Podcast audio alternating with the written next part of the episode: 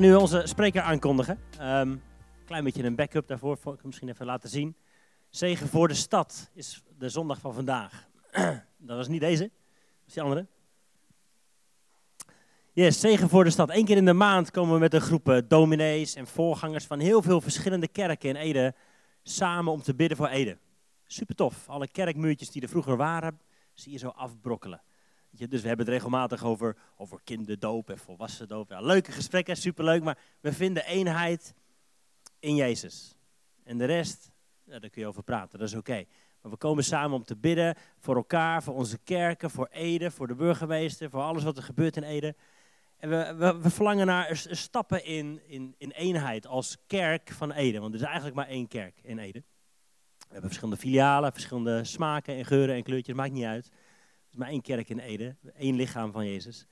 En we willen groeien in eenheid. En we hebben gezegd, van, nou, hoe kunnen we dat nou één keer doen? Want in, in één keer één grote kerkdienst met elkaar, dat, is, dat is nog wel voor veel mensen een stap te ver. En dat is oké, dat snappen we, dat geeft niet. Maar welke stapjes kunnen we dan wel zetten? Dus we zijn vorig jaar al mee begonnen. Ook dit jaar hebben we gezegd, zullen we dan één thema kiezen? Wat we gewoon met verschillende kerken op verschillende manieren behandelen. Maar dan hebben we in ieder geval één, één stem, één boodschap die we naar buiten willen brengen. Dit, dit, jaar hebben we gekozen voor zegen voor de stad. Volgende slide alsjeblieft, dan kunnen we een beetje zien hoeveel kerken er meedoen. Nou, superleuk toch, al die bolletjes. Er zijn nog veel meer kerken in Ede natuurlijk, maar steeds meer kerken gaan hier aan meedoen. Dus al deze rode bolletjes, dat zijn kerken die, die daar aan meedoen. Super tof. En we hebben gevraagd of uh, Ilke uh, vandaag wil spreken bij ons. Ilke is uh, initiatiefnemer van Dien je Stad, een organisatie die we ook als Knekkerk ondersteunen, waar we bij betrokken zijn die heel praktisch zegen wil zijn voor de stad. Nou, daar zal die zelf misschien wat meer over vertellen. Maar Ilke, wil je naar voren komen? Dan gaan we kort voor je bidden en dan gaan we het woord induiken. Zullen we Ilke een applausje geven? Welkom. Tof dat je er kunt zijn vandaag. Blij mee. Yes. Goed, kort samen bidden. Heer Jezus, dank u wel voor deze dag die we samen mogen beleven. Dank u wel voor uh, uw woord.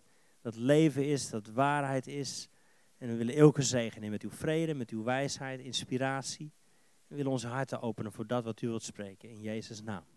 Amen. Amen.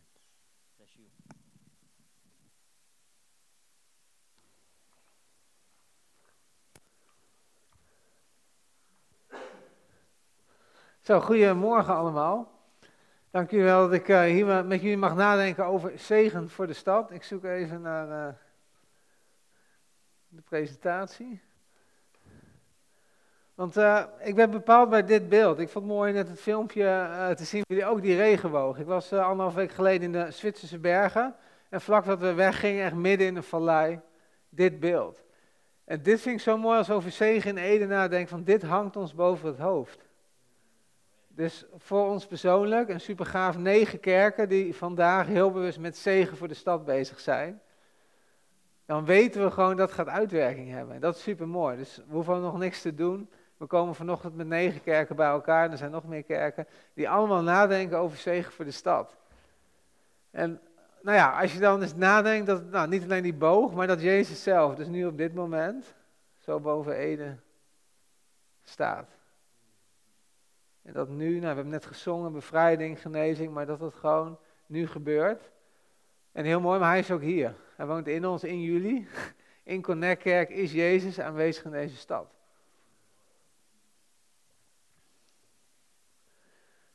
Nou, als je dan nadenkt over zegen, waar gaat het over? Dat gaat over voorspoed, over hel, over Gods gunst, maar een van goede dingen voor de stad.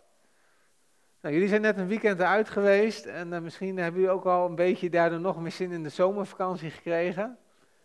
Maar misschien uh, precies. En misschien herkennen jullie het, maar soms als je dan weggaat, een weekend weg, maar bijvoorbeeld uh, naar het buitenland, je zit aan het strand of je klimt een berg op en dan ben je in een andere plek.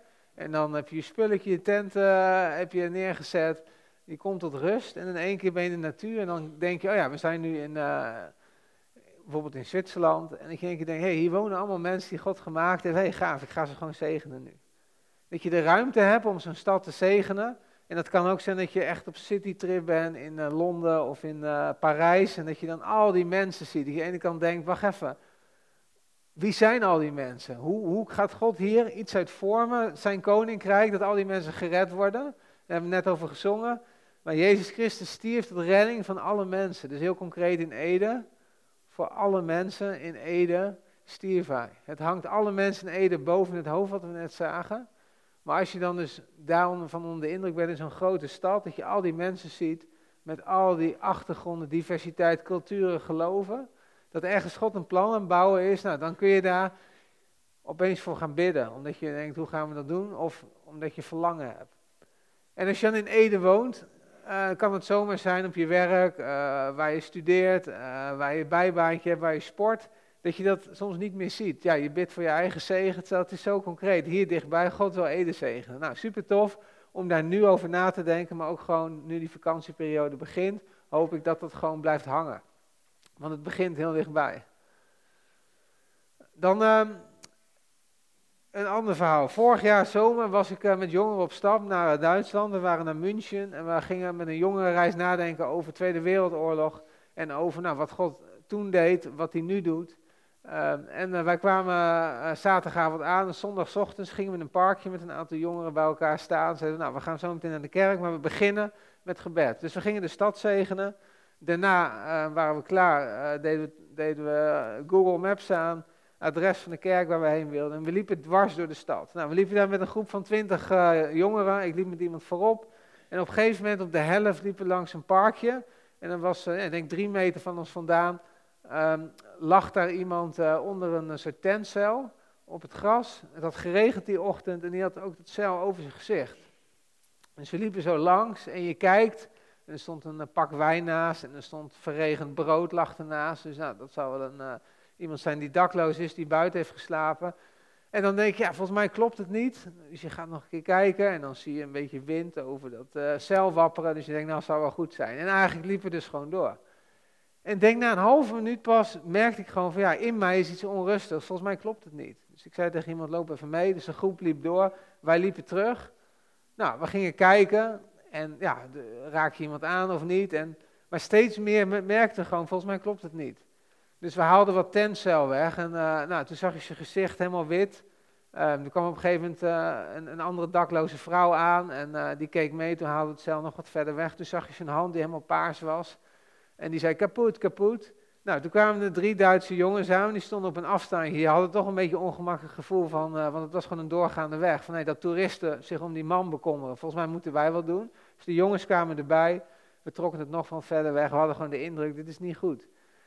Dus 112 eh, werd gebeld en binnen vijf minuten waren er echt vijf auto's, dus uh, politie, uh, ziekenauto. En nou, meneer werd vrij snel gereanimeerd en wij stonden daarbij. Het enige wat we konden doen ja, was bidden, die man zegenen. Nou, na een kwartier, twintig minuten zat geen leven meer in deze man. Nou, super heftig. Aan de andere kant ook wel bijzonder dat je opeens je leven is verbonden met die man. Je bent erbij geweest op dat moment. Het enige wat we konden doen, om bij Jezus springen, bij God. En op een gegeven moment nou, hebben we onze contactgegevens achtergelaten. En toen zijn we doorgelopen naar de kerk. Daar zat de rest van de groep. De dienst was al bijna voorbij. En na de dienst kwamen al die jongeren naar buiten. En die waren natuurlijk benieuwd, uh, wat was er aan de hand. En, uh, dus toen vertelden we wat er gebeurd was. En de reactie van die jongeren was van... Eigenlijk de hele dienst dachten, wat doen we hier in de kerk? Zeker toen ze het verhaal hoorden. Ze zeiden, hey, dit gaat eigenlijk over mijn leven. Want hoe vaak heb ik niet dat ik gewoon de plek waar ik woon, dat ik naar huis fiets, dat ik iemand zie, een man achter de tv, en elke keer denk ik, zou even langs moeten gaan. Dat ik zo'n dakloze zie, hey, misschien zou ik eens vragen, kan ik wat voor je doen? En ik doe het gewoon niet. Nou, de reis was nog maar net begonnen, maar eigenlijk hadden we alweer teruggekund. Maar een hele bizarre les. Dus iemand die overlijdt, waar dan ons leven mee is verbonden om hem nou ja, aan God op te dragen. En aan de andere kant super triest. Het levert heel veel vragen op van waar is iedereen? Die man lag er al de hele ochtend. Niemand heeft daar blijkbaar iets mee gedaan. Hij is overleden. Aan de andere kant, allemaal jongeren die erbij bepaald worden. Hey, we houden van Jezus. We geloven dat we een zegen zijn voor de plek waar we wonen. Maar helemaal in München moet ik ontdekken dat ik in Enschede woon. Ja, eigenlijk dat ik heel veel kansen om gewoon een zegen te zijn. Niet uit activisme, dat ik die laat liggen. Nou, zo wil ik vandaag ook naar Ede kijken. Van, misschien zijn er plekken die God zo meteen aan je laat zien, waar we voor kunnen bidden, waar we tot zegen kunnen zijn. Maar met name begint het al heel dichtbij. Gewoon wie zijn, wie, ja, wie, wie zijn we thuis? Wat, hoe, hoe staat het daar ervoor? Want supermooi, God, Jezus staat met die zegenende handen boven ons. En misschien is het heel hectisch voor de vakantie. Ehm, en hebben we gewoon zijn vrede, want dat heeft met zegen te maken, zijn shalom. We hebben gewoon ons eigen leven nodig om te ontdekken dat ja, door wie we zijn, zijn we al een zegen. Maar soms gaan we eraan voorbij. Ik heb uh, een korte tekst uit Prediker, Prediker 11 vers 11. Door de zegen van oprechte mensen komt een stad tot bloei. De uitspraken van goddelozen zijn naar ondergaan. Hoe belangrijk, hè? Eens een zinnetje, zou je een preek over kunnen houden, maar neem die mee. Dus door de zegen van oprechte mensen komt een stad tot bloei. Ik ken hem nog niet, maar dat. Dus door wie jij bent, of het nou goed gaat of niet, of je met zonde, zonde uh, struggelt. Jezus zegt, je bent een zegen, je bent onderdeel van zijn lichaam. En daar komt de stad daarvan tot bloei. Maar ook die andere kant. Er zijn ook heel veel mensen met andere dingen bezig in deze stad. En dan gaan we eens naar het Museumplein op zaterdag, want ik liep er zelf vaak. En soms denk ik van ja, super chill, nu heb ik mijn christelijk leven, zit ik hier. Maar wie, wie bekommert zich dan om hen? Nou, die vraag komt dan natuurlijk terug naar mezelf. Maar er zijn zoveel plekken in Ede waar je weet dat de onderkant uh, ja, veel meer vertegenwoordigd is. En God geeft ons hier de plek. Gisteravond had ik een vriend op bezoek. En uh, ja, die zei, hey collega, ik heb net een nieuwe baan. Die vertelt volop dat ze met uh, energie bezig is. En ze moet niks van Jezus hebben, wel van, nou ja, allemaal andere energie. Die, die, uh, ja, die voor haar van betekenis van haar leven. En, en, hij vroeg aan mij van, ja, wat kan ik dan betekenen voor deze persoon? Nou, ja, luisteren. Maar laten zien wie Jezus is. En dat die zegen gewoon doorgegeven kan worden. Dus ja, ik denk dat we het allemaal herkennen dat het soms veel dichterbij is. Dat wij tot zegen mogen zijn en dat dat de bloei kan brengen. Dan dat we nou ja, vanochtend nadenken, hey, ja, moeten, we, moeten we allemaal dingen gaan ondernemen? Begint het bij onszelf? Dan gaan we naar uh, Matthäus. Jezus uh, gaat naar de hemel. Hij nam hem mee de stad uit tot bij Betanië. Daar hief hij zijn handen op en zegende hen. Terwijl hij hen zegende, ging hij van hen heen en werd opgenomen in de hemel. En ze brachten hem hulde en keerden in grote vreugde terug naar Jeruzalem, waar ze voortdurend in de tempel waren en God loofden. Super gaaf om die vreugde te zien. Dat als je denkt vanochtend ook, wauw, Jezus staat met die zegenende handen. Nou, zo stonden de discipelen ook, hij ging weg. Maar ja, er gebeurde iets in hen, er kwam iets tot bloei. Ik werd ook bepaald bij de voorbereiding op Psalm 133. Uh, hoe goed is het, hoe heerlijk als broeders en zusters bijeen te wonen. Goed als olie op het hoofd die neervalt op de baard, de baard van de Aaron en neervalt op de hals van zijn gewaad. Als de dauw van de Hermon die neervalt op de bergen van Sion. Daar geeft de Heer zijn zegen, leven voor altijd. Vroeger dacht ik altijd, ja, die baard en, olie, eh, wat moet je daarmee? Maar als je daar eens over nadenkt, het Oude Testamentisch beeld, dat je gezegend wordt met olie, maar dat het natuurlijk verwijst naar Pinksteren, de Heilige Geest, de zegen van God, naar Jezus die opstijgt. Fantastisch en dan supermooi. Daar geeft de Heer zijn leven voor altijd. Gewoon leven voor altijd voor alle mensen in Ede. Dat is wat God voor ogen heeft. En wij hebben het al mogen ontvangen. Nou, en dan uh, voor onszelf. Jezus, nog uh, tijdens zijn leven op aarde, mensen brachten kinderen bij hem. Ze wilden dat hij hun de handen zou opleggen en zou bidden. Toen de leerlingen hem berispen, zei Jezus, laat de kinderen ongemoeid, belet ze niet bij mij te komen, want het koninkrijk van de hemel behoort toe aan wie is zoals zij. En nadat hij hun de handen had opgelegd, trok hij weer verder. Supermooi, de uitnodiging ook vanochtend om te zijn als een kind. Jezus wil ons zegenen. En ik wil graag vragen, willen jullie gaan staan?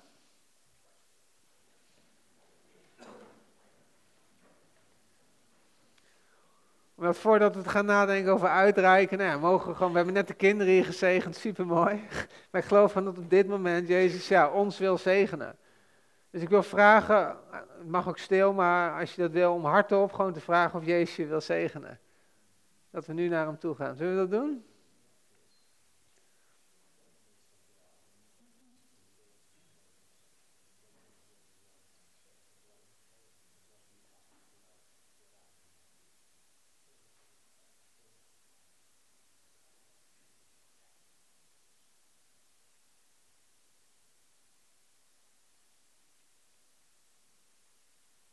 Ja, Heer Jezus, dank u wel dat u ieder van ons op het oog hebt. Heer, dank u wel dat u nu op dit moment, Heer, uh, ons uw zegen geeft.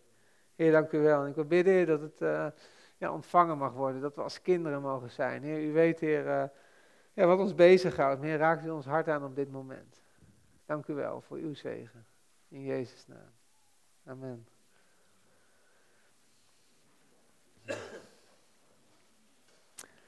Ik wil graag een, filmpje laten zien over, uh, over vrede. En uh, ja, in de Bijbel gaat het over shalom. En heel belangrijk, vrede is niet altijd dat het goed voelt, maar dat heeft ook met strijd te maken. Dus misschien zijn er dingen die net u aan het bidden was, of gewoon in je leven die nu spelen. Uh, ja, waar je gewoon strijd merkt. En heel erg belangrijk, daar dwars doorheen wil God zijn vrede brengen, die shalom. Maar dat gaat lang niet altijd zonder strijd. The word peace is common in most languages. People can talk about peace treaties or times of peace. It means the absence of war. And in the Bible, the word peace can refer to the absence of conflict, but it also points to the presence of something better in its place. In the Old Testament, the Hebrew word for peace is shalom, and in the New Testament, the Greek word is eirene. The most basic meaning of shalom is complete or whole. The word can refer to a stone that has a perfect, whole shape with no cracks. It can also refer to a completed stone wall that has no gaps and no missing bricks. Shalom refers to something that's complex with lots of pieces that's in a state of completeness, wholeness. It's like Job, who says his tents are in a state of shalom because he counted his flock and no animals are missing.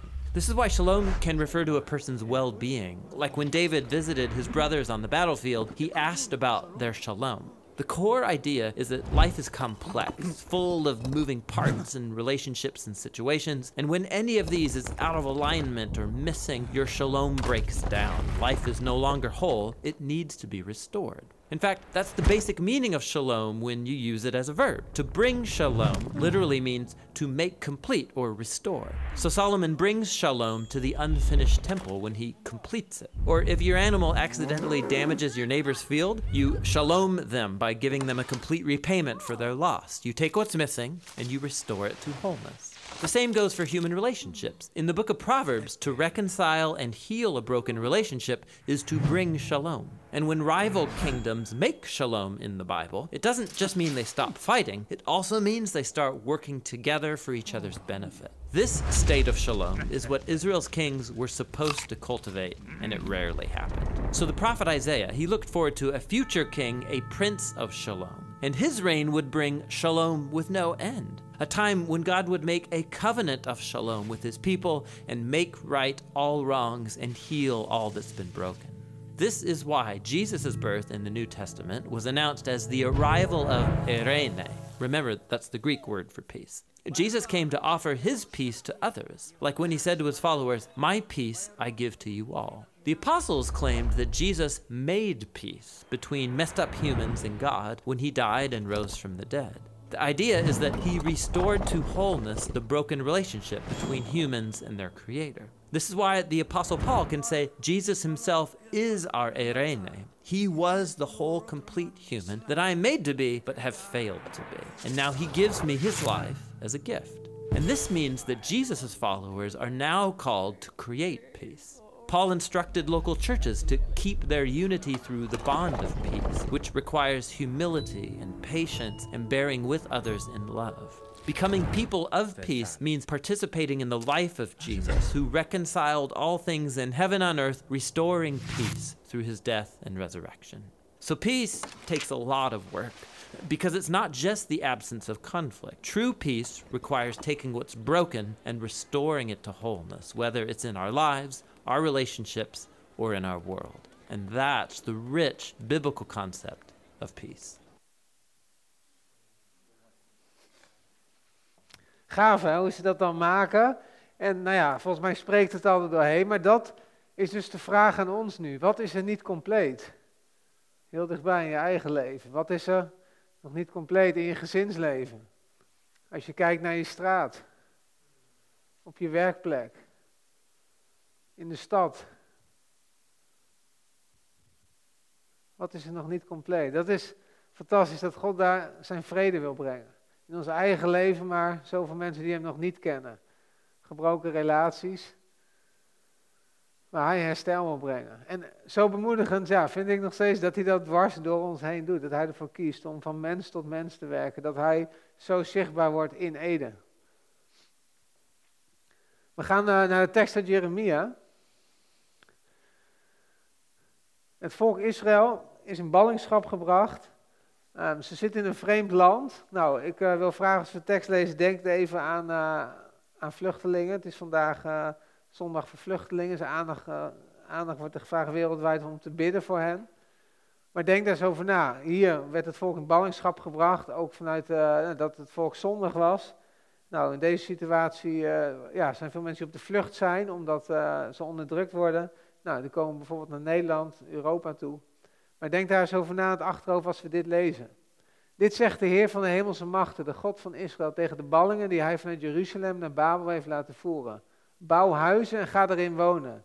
En leg tuinen aan en eet van de opbrengst. Ga huwelijken aan en verwek zonen en dochters. Zoek vrouwen voor je zonen en huw je dochters uit, zodat zij zonen en dochters baren.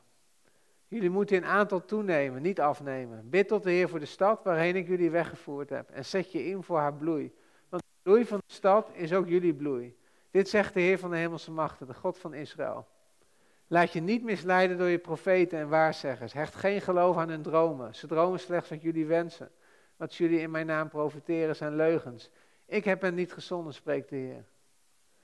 Dit zegt de Heer. Als er in Babel 70 jaar voorbij zijn, zal ik naar jullie omzien. Dan zal ik mijn belofte gestand doen door jullie naar Jeruzalem te laten terugkeren.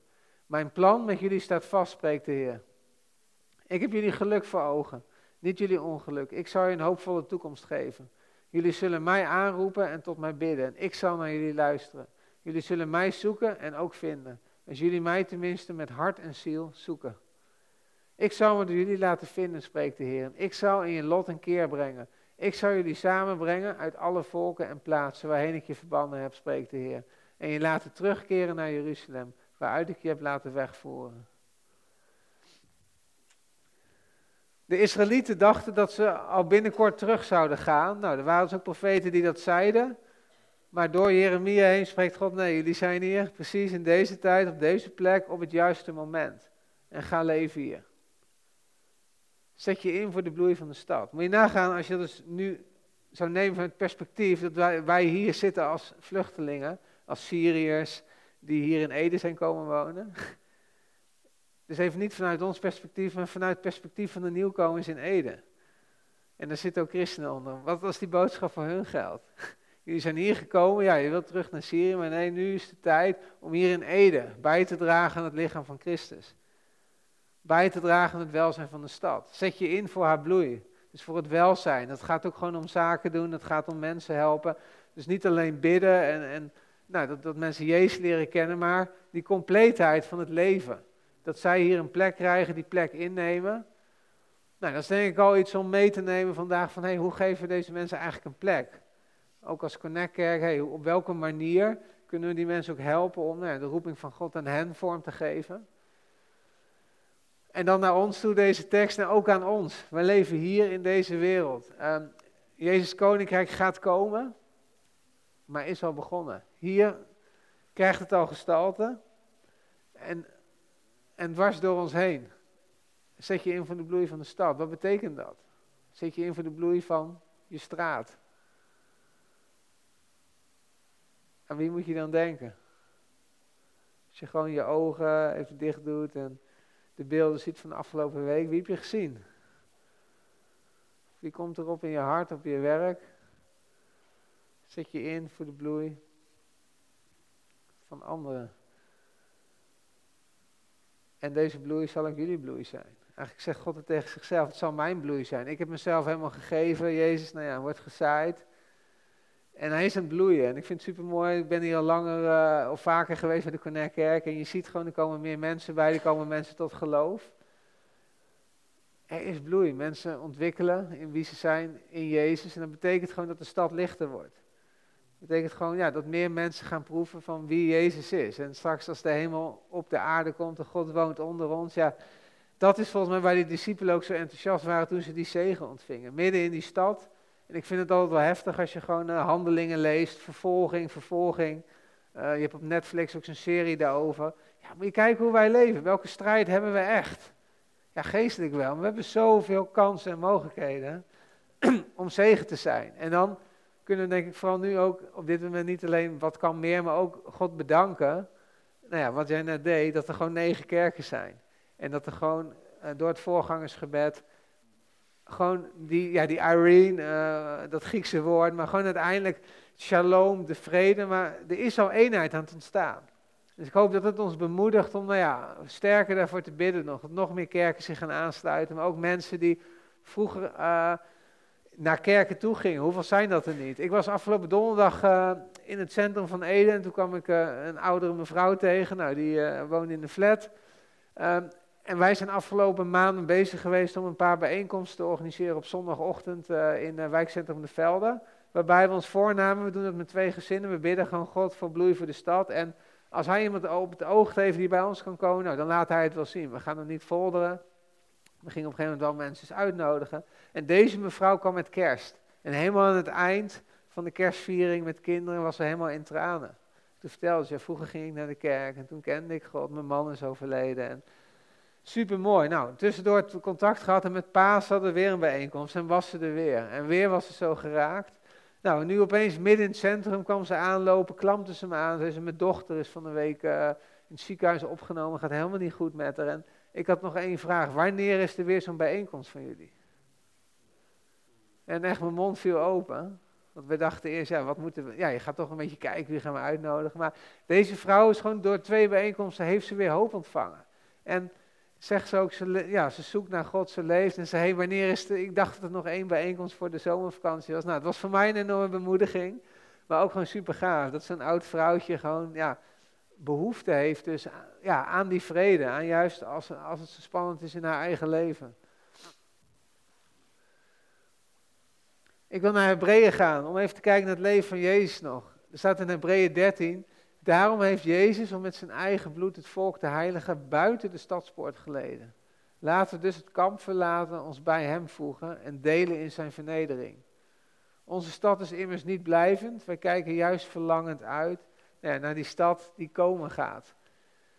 Staat één keer in de Bijbel dit, maar dus Jezus had natuurlijk in Jeruzalem, had het kunnen gebeuren, maar de zonde werd op hem geladen en ergens buiten, op een buitenplek, zat ik iets van Gehenna, maar buiten alles, want het gaat nog steeds nu vandaag om Jeruzalem, het centrum van het hart. Maar welk signaal zit daarin? Van, voeg je buiten de stad, maar dat kan ook gewoon in een stad zijn, denk ik, maar voeg je bij mensen met wie Jezus omging, de meest kwetsbare. Dus mensen die, die uh, gevlucht zijn, maar ook mensen in de gevangenis. Mensen die uh, verslaafd zijn. Mensen die bij het, bij het sociaal pension, ik weet niet of je er wel eens geweest bent. Maar super gaaf om daar gewoon eens langs te gaan, een kop koffie met iemand te drinken. Dus vanuit die tekst worden we uitgenodigd dus. En dat met het oog dus op de stad die komen gaat, gewoon hier in Ede. Straks de hemel en aarde die bij elkaar komen. Niet dan is alles wat in Ede gedaan opeens weg. Nee, supermooi. God maakt gebruik van het werk wat hij nu door ons heen doet. Dat wordt vereeuwigd. Nou, dan twee verhalen even vanuit ons werk. Um, vluchtelingen die teruggeven van, hé, hey, wat hebben jonge vrijwilligers voor mij betekend? Iemand die deelt in je vreugde, met je naar Schiphol rijdt als je na jaren wachten, eindelijk herenigd wordt met je vrouw en dochter. Nou, denk even aan Jeremia, de plek waar je geboren bent, je verlangt terug. Nou ja, hereniging nu, in ieder geval tussen mensen. Het andere verhaal, iemand die je belt als je s'nachts je baby is geboren en die je gezin dan komt ophalen uit het ziekenhuis en daarvoor een ochtend vrijneemt van de werk. Merk, het emotioneert me, maar dat is gewoon zo bijzonder. Het, het, lijkt misschien normaal, maar wat het betekent dus voor mensen die uit de vluchtsituatie in Ede ja, wonen. Dus gewoon door wie je bent, we zeggen, nou, ik neem een ochtend vrij. Of, dus deze mensen waren beschikbaar op de een of andere manier, die hadden contact. Um, en toen dat telefoontje kwam, stonden ze klaar. Nou, supermooi. Nou, en ik uh, wil zo meteen uh, ja, voorstellen om met elkaar te gaan bidden in groepjes. Misschien voor die dingen thuis, misschien voor de stad. En uh, wil nog even langs deze teksten lopen die onder die mooie regenboog is staan. De, de uitnodiging, de opdracht, bid tot de Heer voor Ede. Want jullie wonen nu hier. En zet je in voor de bloei van Ede. Want de, want de bloei van Ede, echt in, in al haar compleetheid, zou ook jullie bloei zijn. En dan deze tekst, van dit gaan we zo doen. Jullie zullen mij aanroepen en tot mij bidden. En ik zal naar jullie luisteren. Jullie zullen mij zoeken en ook vinden. Als jullie tenminste met hart en ziel zoeken. Ik zal me door jullie laten vinden, spreekt de Heer. Ik zal in je lot een keer brengen. Dus misschien zit je hier vanochtend wel met een, ja, met een half hart? Of merk je, er zijn zoveel dingen. En dan wil ik ook nou ja, laten zien aan je van Jezus, op dit moment staat hij dus zo klaar. Hij wacht op ons, maar hij vraagt wel, kom met je hart. Met je ziel, maak contact met waar je ook in zit en dan belooft hij gewoon van, dan zal ik luisteren. Dan zal hij geven wat jij nodig hebt aan je vrede en shalom, maar ook voor Eden. En dat is zo mooi van, met onszelf bezig, maar uiteindelijk, ja, die vrede mogen we weer doorgeven. Dat gaan we zo doen. Ehm, we gaan een lied luisteren eerst en daarna dan uh, zal ik nog even instructies geven over hoe we in groepjes uiteengaan. Ik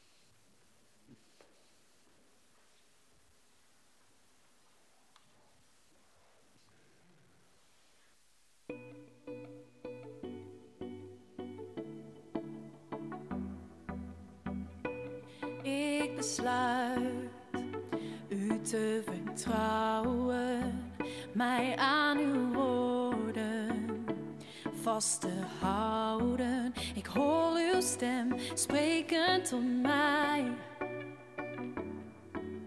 Wees gerust, ik ben erbij. Door het vuur, door de beproeving,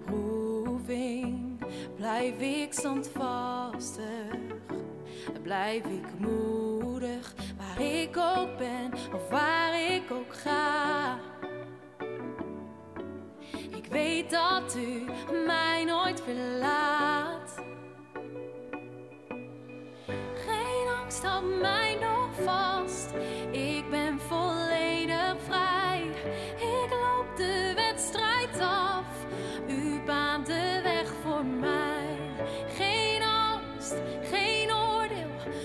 hoop op heerlijkheid. Geen angst, maar vrede. Jezus, de hoop in mij.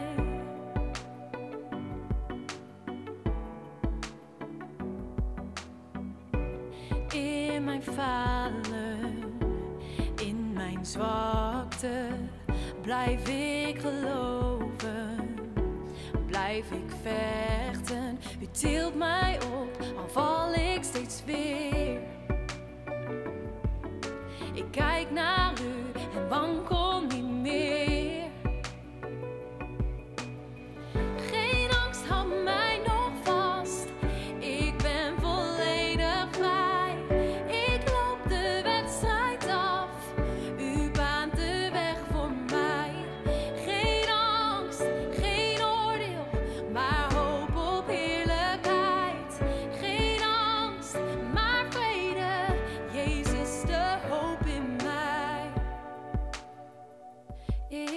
heb hoop, hoop, levend in mij. Ik heb hoop, hoop, die alle angst verdrijft. Ik heb hoop, hoop, hoop op heerlijkheid. Hoop, hoop, Jezus, de hoop in mij. Hoop, hoop, levend in